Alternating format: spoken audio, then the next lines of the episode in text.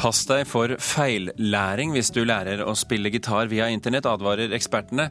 Gitarboksalget har falt med 90% de siste ti år. Norske arkitekter må endre tankesett og bli flinkere til å bruke norske byggematerialer. Det mener arkitekturprofessor i Trondheim. Og Kina strammer inn på sensur av musikk, særlig hiphop. Og så skal vi høre om det er hold i påstanden om at tresnittet har verdi langt utover kunstrommet. Vi kommer tilbake til det senere i sendingen. Vær kritisk til læremestrene på internett hvis du skal lære å spille gitar. Det advarer nå flere eksperter.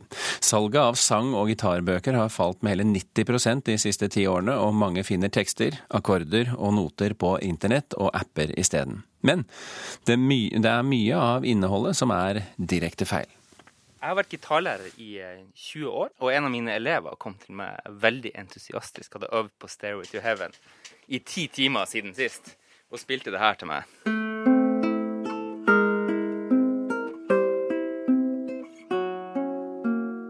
Nå måtte jeg stoppe eleven og forklare han litt om eh, kildekritikk, og fortelle han hvilken kilde han egentlig burde hørt på. det.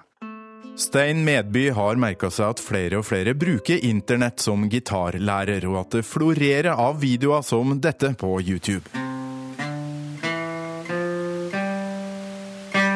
Det er 25 000 som har sett denne amatørvideoen av Lisa gikk til skolen, og ifølge tall fra Statistisk sentralbyrå er det omtrent 570 000 nordmenn mellom 9 og 79 år som spiller gitar på et eller annet nivå. Få av dem benytter seg lenger av gitar eller sangbøker. Det markedet er jo nesten radert ut. Unni Boretti i Norsk Musikkforlag selger færre og færre musikkbøker, og er bekymra over at brukerne velger alternativer som er gratis og ofte ofte ulovlig fordi de ikke følger åndsverksloven. På ti år, eh, hvis man tar det perspektivet, så er nedgangen på 90% Hvis man tenker i et litt lengre perspektiv, så, så kan det jo være sånn at om noen tiår så har man faktisk ikke kilde til hva som egentlig er skrevet. Han du hører spiller barokkmusikk på gitar her, er Norges første professor i gitar, Sven Lundestad. Musikeren vil advare ferske gitarister mot å kun bruke internettbaserte løsninger i sin opplæring. Det sitter jo kanskje en eller annen kar på et kjøkken og snekrer sammen en låt som han har hørt, og så har han ikke sjekka engang helt om det var den låten, om den gikk på den måten. Og så blir det bare sammensurium, og så, så sitter noen og lærer seg det etterpå. Det er som skal være ganske kritisk, tror jeg, før en kjøper alt rått. Du må kanskje kjøpe en tjeneste som koster penger for å være på den sikre sida. Over 400 nordmenn abonnerer f.eks. på tjenesten onlinegitar.no, som er en av få norske tjenester som har korrekt og lovlig opplæring på hundrevis av sanger.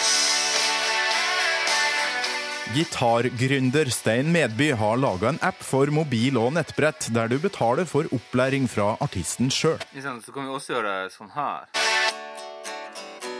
Her er det Lars Lillo sjøl som sitter og spiller. Så her får du se det akkurat sånn som han eh, gjør det. Medby mener digital opplæring åpner nye pedagogiske muligheter som musikkforlagene har vært for sein med å utnytte. Noen kommer etter, eh, men eh, når du er stor og er vant til å gjøre ting på en måte, så kan det være, gå litt tregt før man klarer å snu seg rundt. I ettertid så kan man helt sikkert si at det skulle vi ha gjort tidligere, men eh, forlagene jobber jo veldig nå med å få digitale løsninger på plass. Introen på den går, læres ofte bort sånn her. Men akkurat på den akkorden der, så er den egentlig sånn her. Litt sånn mystisk. Fordi det er en tone der som alle overser, men det var sånn Lars Lillo Stenberg skrev den akkorden. Det ønsker vi å ta vare på, sånn at det blir snappa opp når du lærer å spille sang. Reporter her, det var Torkil Thorsvik. Anders Håvin, eh, nestleder i Musikernes Fellesorganisasjon, velkommen til Kulturnytt. Takk. Du representerer jo norske artister. Hva syns du om at folk eh, lærer seg å spille og synge nye sanger ved hjelp av f.eks. YouTube? Nei, det er jo eh, lettvint, da.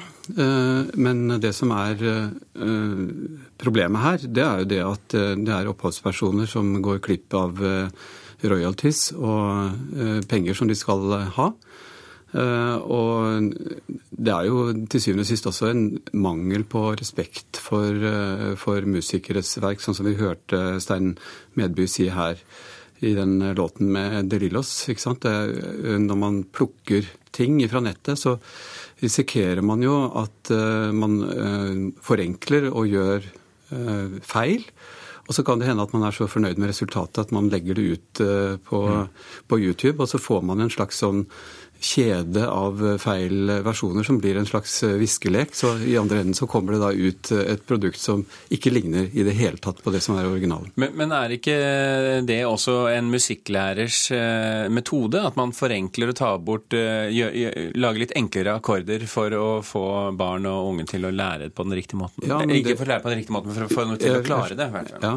Jo, altså det kan jo være en pedagogisk tilnærming til det, men, men i dette tilfellet så er jo musikklæreren veldig klar over at, altså hvordan originalen er.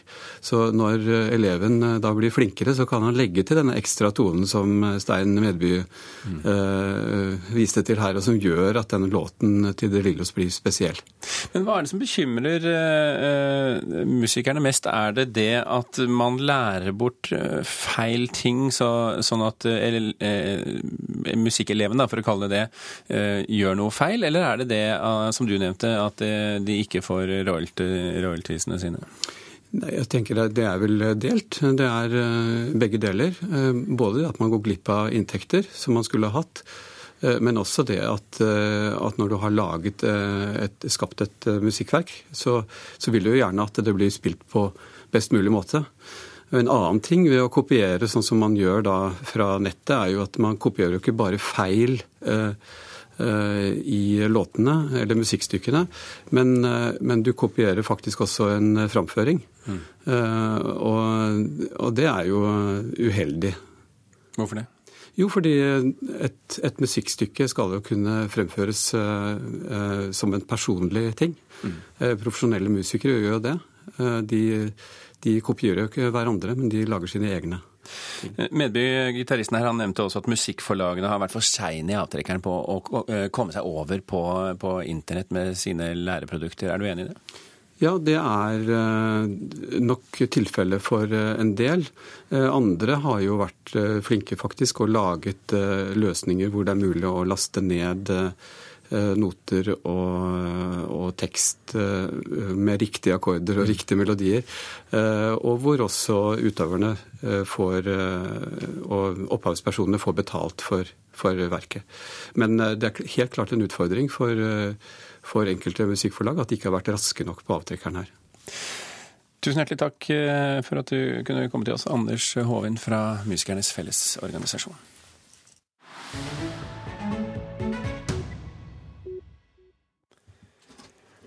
Rådmannen i Namsos går inn for å legge ned Rock City, det nasjonale kompetansesenteret for pop og rock.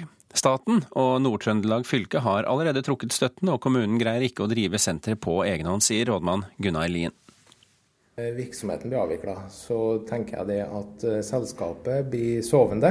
Uh, og eventuelt da, bevarer vi jo merkevaren og rettighetene til det innholdet i det. Og så får vi se hva vi gjør med det etter hvert som tida går. Norske arkitekter velger utenlandske materialer og råstoff der de kunne valgt norsk. Arkitektene må endre tankesett, mener arkitekturprofessor ved NTNU. Forrige uke ble det kjent at norsk skifer skal kle Nasjonalmuseet. Et steg i riktig retning, mener skiferleverandøren Oppdal Steen.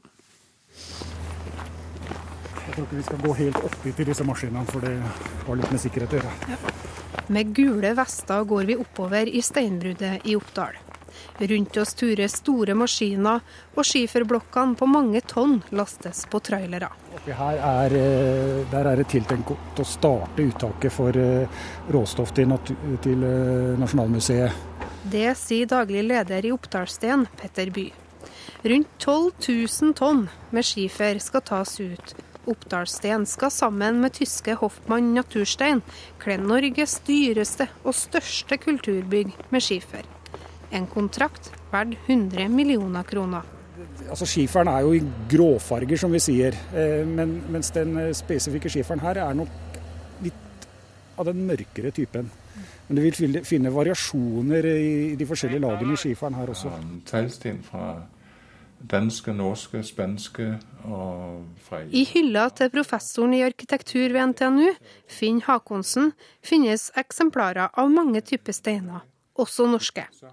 Ifølge Hakonsen har arkitektenes hunger etter utenlandsk råstoff ført til flere nedleggelser av norske fabrikker. Bl.a. Norges siste teglsteinfabrikk. Til, en viktig grunn til at det siste norske teglverket ble nedlagt, var at um, norske arkitekter var altfor ivrige etter å, å bruke teglstein fra Belgia, Danmark og andre land, istedenfor å se hva fantastisk um, produkt man har her i Norge. Vi mister ikke bare arbeidsplasser, men også kunnskap. Så nå må arkitektene endre tankesett og velge norske råvarer sier Hakonsen. Vi har altfor stor oppmerksomhet på, på um, det som vi kan få katalogvarer fra hele verden. Og det er dessverre sånn at transport er veldig billig, så det koster lite. Og man veldig lett kan bli utkonkurrert av produkter fra andre land. Men da må man også tore å, gi motstand for den utvikling og vise at det er andre ting som er viktige enn å nå et, et helt uh, bestemt budsjett. Og se mer på konsekvensene av det. Etter det omstridte valget av italiensk marmor på Operaen, syns skiferguttene at det var på høy tid at norsk stein fikk sin plass på et signalbygg. Ja, jeg mener at eh, det var på høy tid. fordi at eh, du kan se rundt oss i Europa sånt, når de bygger disse her eh, betydningsfulle byggene, så bruker de lokale råstoff og sånt, nettopp for å vise hva, landet har å, by på av forskjellige ting. da. Og, og, et nasjonalmuseum er jo nettopp et sånt bygg. Det vil jo være som en magnet på turister og sånt nå. At vi da kan bruke noe av det norske å vise fra. Inne i fabrikkhallen til Oppdal Sten gjøres håndarbeidet. Med sag, hammer og meisel skal store skiferblokker gjøres klar til å pryde Nasjonalmuseet. Og nå øyner daglig leder et håp om at flere velger norsk skifer Nei, altså nå har vi jo fått et drømmeprosjekt, da. Men eh, det er klart at vi, vi vet at det kommer f.eks. et nytt, nasjonal, nei, nytt eh, regjeringskvartal i Oslo. Det kunne jo vært artig å fått levert noe dit, da. Det var reporter Kaja Kristin Næss som hadde laget denne saken. Klokken er eh, kvart over åtte. Du hører på Kulturnytt, og dette er toppsakene Nyhetsmorgen nå. Nesten halvparten av oss jobber med kolleger vi ikke liker, viser undersøkelse. Flere av de spurte sier de har vurdert å slutte i jobben. Asylstrømmen til Norge blir ikke redusert pga. 15-punktsplanen fra Høyre og Fremskrittspartiet, mener stortingsrepresentant Christian Tybring-Gjedde. Og svake tall for varehandelen gir frykt for at norsk økonomi vil krympe.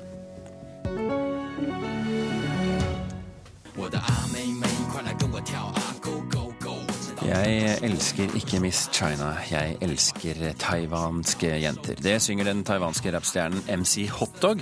En holdning kinesiske myndigheter ikke setter særlig pris på. Låten kom på sensurlisten nå i sommer. Og nå strammer Kina ytterligere inn på sensur av musikk. Fra nyttår av blir internettselskap som formidler musikk, pålagt å kontrollere at alle låtene de tilbyr, er innenfor det myndighetene tillater.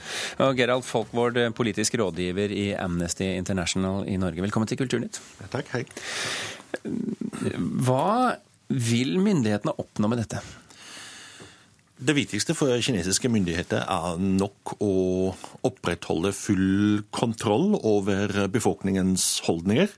Uh, unngå at det spres uh, tanker som kan føre til opprør, protest eller motstand, eller at folk rett og slett skal utfordres til å tenke for seg selv.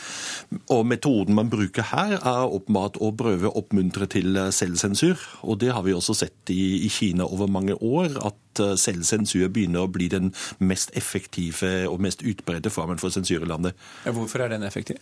Den er effektiv fordi den eh, altså For det første, som dette er et godt eksempel for, eh, går man ikke først og fremst etter kunstnerne som lager et uttrykk som myndighetene ikke liker.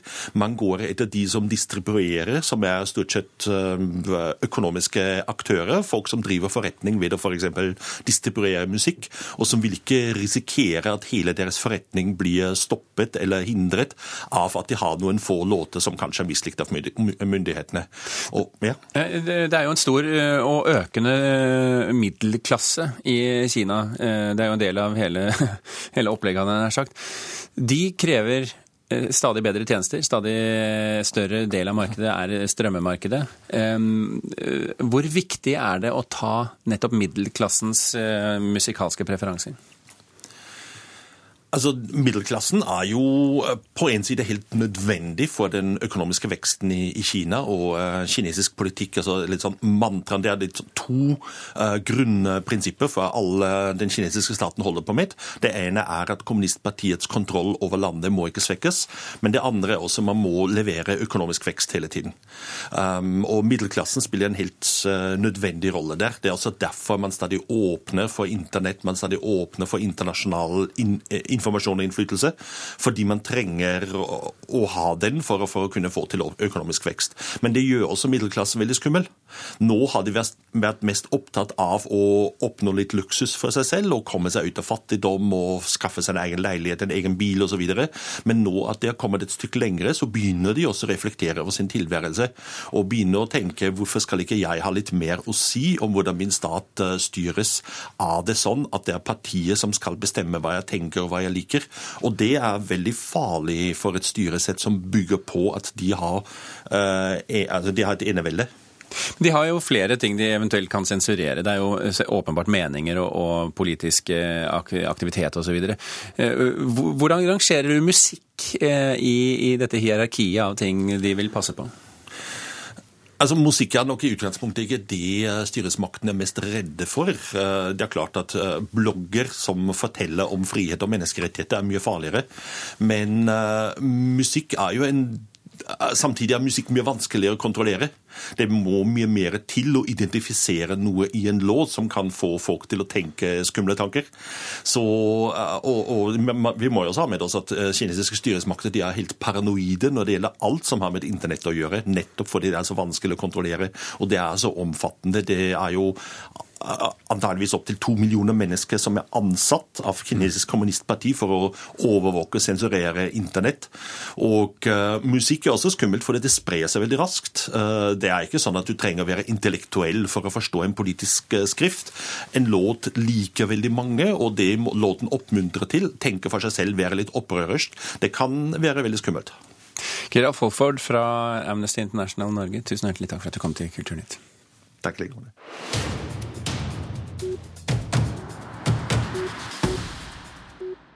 Det kjente sigøynersirkuset Cirque Romané i Paris får hjelp av frivillige nå for å ta vare på sikkerheten.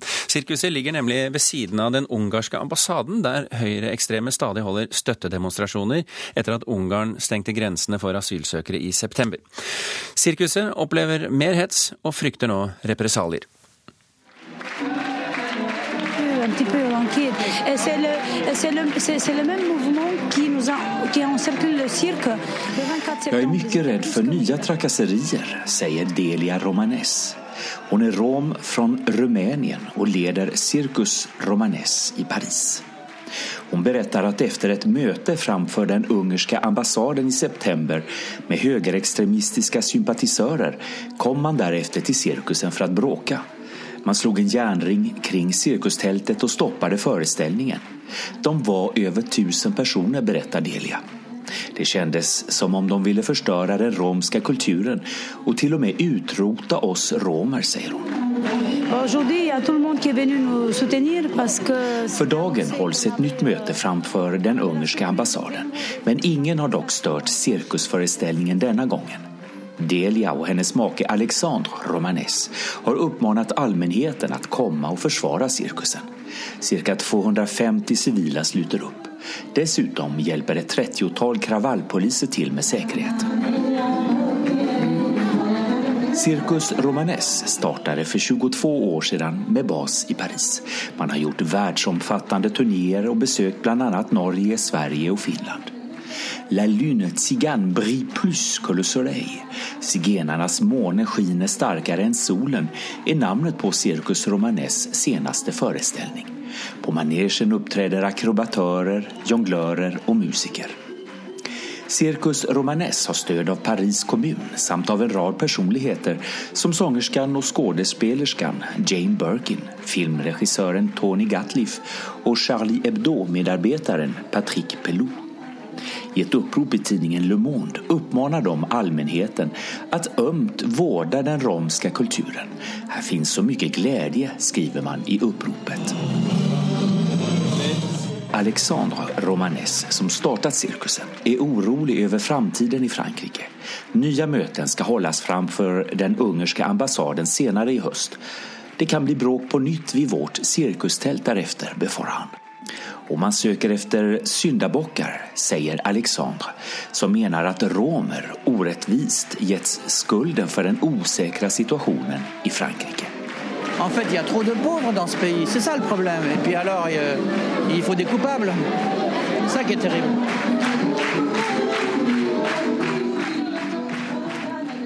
Reporter i Paris, nesten må jeg si, som vanlig, Johan Tolgert. Tresnittet har verdi langt utenfor kunstrommet. Det er tesen til Nasjonalmuseet, som på fredag åpnet utstillingen Avtrykk. Utstillingen viser tresnitt fra fem århundre, og kunstkritiker her i NRK, Mona Palle Bjerke. Eh, la oss komme tilbake til gyldigheten av denne tesen etter hvert. Men hvorfor denne gamle teknikken tresnitt i vår alt annet enn tresnittpregede digitale tidsalder? Vi har jo sett mer og mer at nettopp fordi vi lever i en sånn veldig flyktig kultur hvor vi bare vi ytrer oss uten egentlig å ha tenkt oss ordentlig om, og vi eh, publiserer våre bilder i det øyeblikk vi tar dem, så har vi nettopp behov for det kunstferdige og det langsomme. Og det ser vi i kunstfeltet som en slags motreaksjon på vår medievirkelighet. At stadig flere kunstnere søker mot håndverksbaserte medier. Du har snakket om det eh, eh, veldig ja. mange ganger, dette om det, det, taktile, det som man kan røre ved og som kan ja. se strukturene av. Men det er ikke tvil om at det er nesten eksotisk for oss, dette at noen faktisk skjærer et bilde ut i en treplate for siden å trykke det på papir. Denne langsomheten i dette er, er liksom litt sånn fremmed i vår virkelighet. Og, det, og noe litt sånn ubønnhørlig, ugjenkallelig også, på sett og vis? Ja, og det kan nok være noe av det som fascinerer oss. For jeg tror vi fascineres veldig sterkt av tresnittet, i hvert fall. Når jeg gikk inn i denne utstillingen, så kjente jeg på liksom nesten at jeg hadde vann i munnen. For det er noe med å gå rundt og bare dette med treet, for treet appellerer appellerer til oss, kanskje ikke minst oss nordmenn. Det er jo liksom noe med treet og den norske folkesjelen, innbiller jeg meg. Og vi har jo veldig stolte røtter eh, for treskjæring i norsk kunsthistorie. Og også selvfølgelig Edvard Munch, som er en ubestridt grafisk eh, mester. Som selvfølgelig også er godt representert i denne utstillingen. De som går inn på Museet for samtidskunst, hva får de se? Altså Her kan vi vandre fra renessansen. Vi kan se Albrecht-dyrer, vi kan se japansk fargetresnitt. Vi kan se modernismens gryende eh, uttrykk fra Paul Gauguin til uh, tyske ekspresjonister. Og vi kan også se Edvard Munch. Men vi kan også se helt flunkende nyarbeider. Den svenske kunstneren Mamma Andersson har laget verk som er omtrent kommet rett fra trykkpressen. Så her er det veldig, veldig mye å se. Og i tillegg så kan faktisk publikum også prøve selv selv å lage tresnitt og virkelig kjempe med motstanden i materialet. Og det sitter ganske ofte gjennom utstillingsperioden kunststudenter og lager tresnitt som også blir hengt opp fortløpende. Og så er det en kunstner som har forvandlet en hel utstillingssal til et uh, kunstverk. Hva slags kunstverk er dette? Ja, Her har den tyske bergensbaserte kunstneren Thomas Kilper rett og slett med, med sag og øks og eh, virkelig grove materialer har eh, skåret ut et tresnitt i et tregulvet. Og så har han brukt da dette gulvet som en stor trykkplate, eh, som har dannet utgangspunkt for tresnittene som dekker vegger og tak. Og det, dette er da bilder fra egentlig den norske samfunnsdebatten, eh, men også eldgamle filosofer, holdt jeg på å si. Og her da, lager han da en dialog f.eks. mellom eh, Edward Snowden, den amerikanske varsleren, og Friedrich Schiller, den tyske filosofen. Her er Siv Jensen som roper ut at de rike må bli enda rikere, med snakkeboble. Her er Nato-sjefen og forsvarsministeren som begge krever mer våpen. Og også kulturminister Toril Vidvei, hun hevder at kunstnere må tenke business. Vi ser dronning Sonja med en tankeboble som tenker tenker på Damien Hirst sitt uh, diamanthodeskalle. Er det blitt en eh, bra utstilling? Ja, dette syns jeg er blitt en veldig bra utstilling. Det er, det er jo en, et veldig spennende medium. Den, man får denne litt sånn, ikke den tegnede, men den kuttede streken. Og her er det et veldig rikt utvalg av tresnitt da fra fem århundrer. Og i tillegg da dette, denne veldig nærheten som vi får til materialet. Både gjennom Thomas Kilpers eh, store installasjon, men også gjennom det at man faktisk kan prøve selv. Og i tillegg så liker jeg det at de har satt ut stubber som benker i hele utstillingen, sånn at man faktisk kan sitte på en stubbe og se på disse, dette her. selve materialet. Ja, så det er virkelig sånn nærhet mellom tresnittet og det levende treet. Tilbake til utgangspunktet for denne samtalen, eh, nemlig påstanden om at tresnittet har verdi langt utover kunstrommet. Jeg syns kanskje det er litt sterkt sagt, men det som i hvert fall er sikkert, er at tresnittet tror jeg har en veldig appell til oss i dag. Fordi at det nettopp er noe annet enn den, den flyktige billed- og tekstkulturen vi lever i. Det har med fordypning og tidsbruk å gjøre, og det tror jeg er noe vi, vi trenger i dag. Utstillingen Avtrykk på Museet for samtidskunst i Oslo, altså takk til Mona Palle Bjerke. Det var eh, Kulturnytt levert deg i dag av Thomas Alvarstein Ove og Birger Kolsrud Jåsund.